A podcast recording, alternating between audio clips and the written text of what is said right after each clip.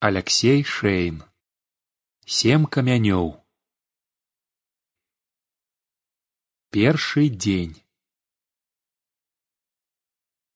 магчыма што нічога з гэтага і не адбылося б калі б у той вечар ясь не згадзіўся пайсці на рачную выспу пільнаваць суседскіх малых. Паглядзець за дзецьмі больш ніхто не мог. Дарослыя былі нечым занятыя і ён хоць і прахадзіў цэлы дзень невясёлы вырашыў дапамагчы спадзяючыся хоць такім чынам забыцца пра тое што ў апошні час не давала яму спакою. Выспа была зусім блізка ад берага.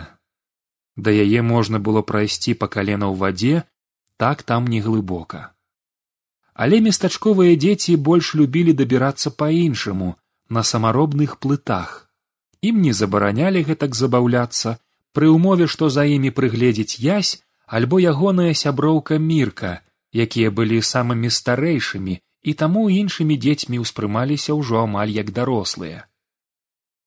Не дазвалялася толькі нікому адплываць за выспу рака была вялікай хуткай і вірлівай. Язь і мірка былі з аднаго горада. Больш затое яны хадзілі ў адну школу і адзін клас да таго ж яшчэ так сталася што і ўлетку яны ездзілі на вакацыі сюды на поўдзень ад горада у адно мястэчка. Мірка вучылася вельмі добра вучоба давалася ёй лёгка. Яна была разумнай і прыгожай дзяўчынкай адзінай дачкой у сваёй сям'і. Невясёлыя ясевы думкі былі менавіта пра яе. Колькі дзён таму ён выйшаўшы на вуліцу не ўбачыў міркі на другі дзень яе таксама не было. Тады ён вырашыў падысці да ейнага дома каб даведацца ці не здарылася што. Там яго сустрэлі сумныя бацькі дзяўчыны. Маці выглядала так нібы ўсю ноч плакала а так яно і было а бацька быў як хмара. Ах ясю уздыхнула мірчына маці. Нашая дачушка захварэла.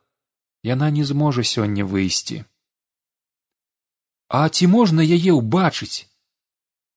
Маці прапусціла яго ў дом. Мірка ляжала ў сваім ложку. Яна заўважыла яго і прыпаднялася. Ясь! Як ты? Ты бачыш шкада што так ясь стаяў і не ведаў што сказаць. Мірка адвярнулася да сцяны ён не быў упэўнены але яму здалося што мірка заплакала. Некалькі наступных дзён язь таксама не выходзіў з дому. Ісці на вуліцу калі там няма міркі яму не хацелася. А да яе самой нікога не пускалі. Доктар прыязджаў некалькі разоў але як зразумеў язь з размоваў дарослых ёй рабілася ўсё горш і горш. І калі прайшло яшчэ тры дні на мірчаных бацькоў было зусім горка глядзець язь даведаўся што яе павінны павесці ў горад у шпіталь. І гэта азначала што справы сапраўды кепскія. А мінулым вечарам калі ўжо трэба было класціся спаць ён незнарок пачуў як ягоная бабуля кажа дзядулю. Зусім блага з міркай. Сёння зноў быў доктар і сказаў што паслязаўтра яе забіраюць. Але ў яе нейкая рэдкая хвароба лекаў ад якой няма па голасе я зразумеў што тут у бабулі навярнуліся на вачах слёзы. Лекар сказаў што ёй ужо нічым не дапаможаш. Калі язь пачуў гэтыя словы быццам востры халодны нож працяў ягонае сэрца. Ноччу ён спаў трывожна шмат разоў прачынаўся і ўзгадваў пра мірку. Таму ў гэты вечар калі суседскія малыя сабраліся на выспу і іхнія бацькі папрасілі яся прыгледзець за дзецьмі ён пагадзіўся у надзеі што зможа пачаць думаць хоць пра штосьці іншае. Дзяцей было пяцёра.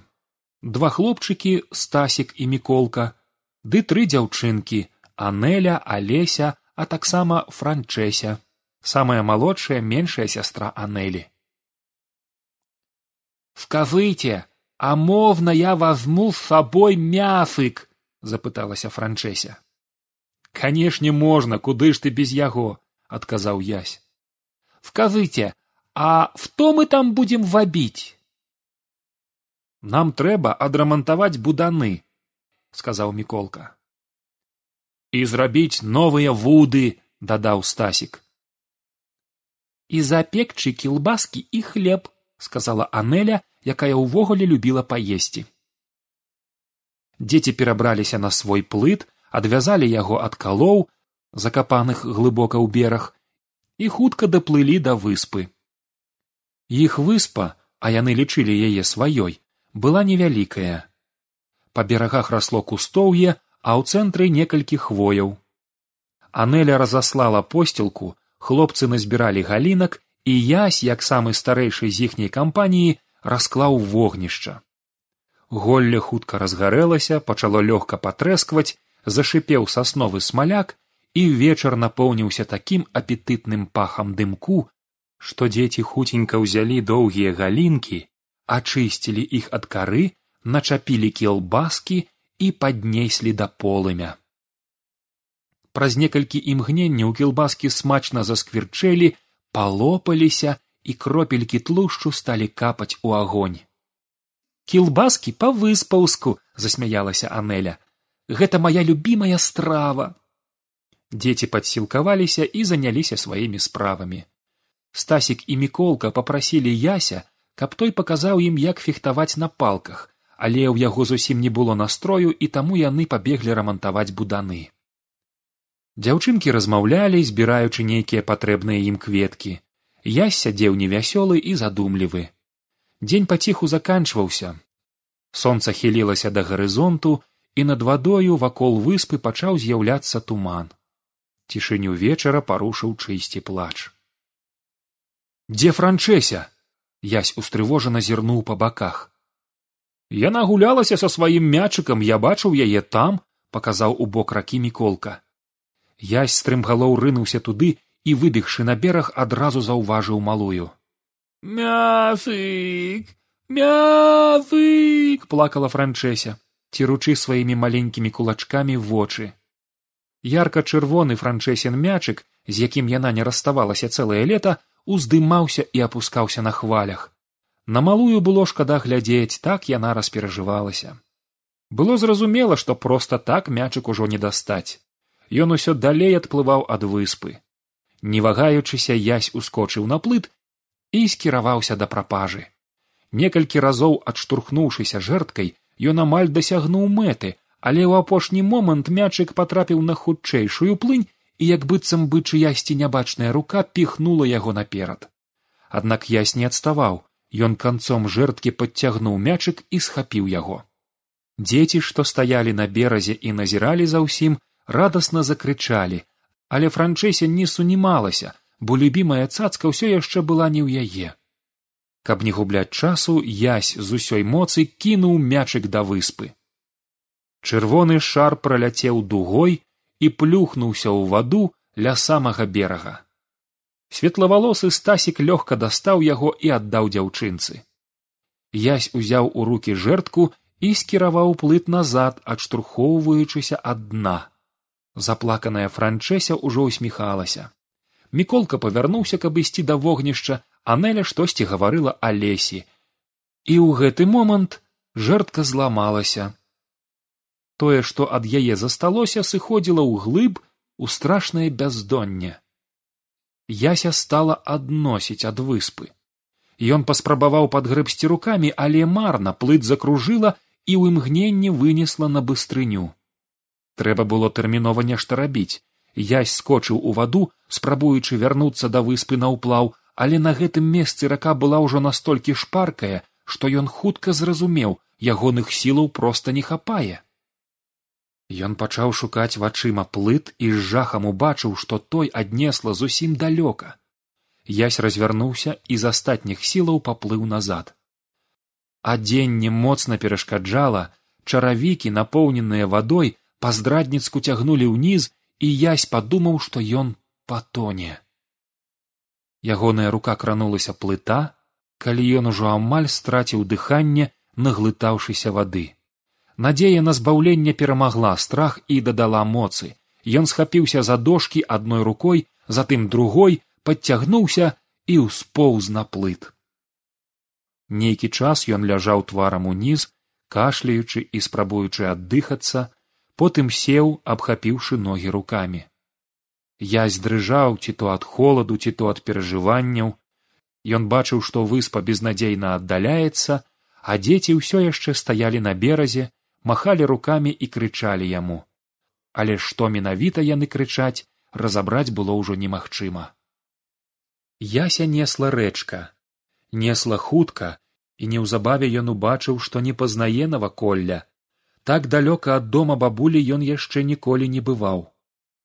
Ён разумеў што дабрацца да берага яму ўжо ніяк не ўдасца. Плыт быў на самай сярэдзіне шырокай ракі а плаваў язь слаба. Сонца знікла за небасхілам зрабілася прахалодна і вада ў рэчцы пацямнела. Набліжалася ноч. Туман які з'явіўся спачатку як лёгкае мроева рабіўся ўсё больш густым і ўрэшце стаў такім шчыльным што ясю здавалася быццам ён плыве праз белую вату. Тое што навокал рака можна было здагадацца толькі праз лёгкае пагойдванне дошак пад ім ды плёскат вады. Ясь вырашыў хай будзе што будзе кіраваць плытом ён усё роўна не мог. Моцна хацелася спаць вочы самі заплюшчваліся і некалькі разоў на пару секундаў ён як быццам бы правальваўся ў сон. Але вечаровы холад і вільгаць не давалі заснуць і язь страсянуўшы галавою імкнуўся думаць пра свой дом пра блізкіх і пра мірку. Так прачынаючыся ды зноў засынаючы язь плыў і плыў. Адзенне яго паступова высохла але туман усё не сканчаўся проста рабіўся то святлейшым то цямнейшым. Праз шэрую смугу нічога не было відаць толькі раз пораз у глыбіні туману з'яўляліся ці гэта ясю толькі мроілася дзіўныя цені. Незразумелая дрымота не адпускала яго. Ён знясіліў і ў перапынках паміж забыццём з цяжкасцю стараўся зразумець што з ім адбываецца. Ён не ведаў, як доўга плыве, то яму здавалася, што знаходзіцца тут пару гадзінаў, то ён быў перакананы, што мінула некалькі сутак,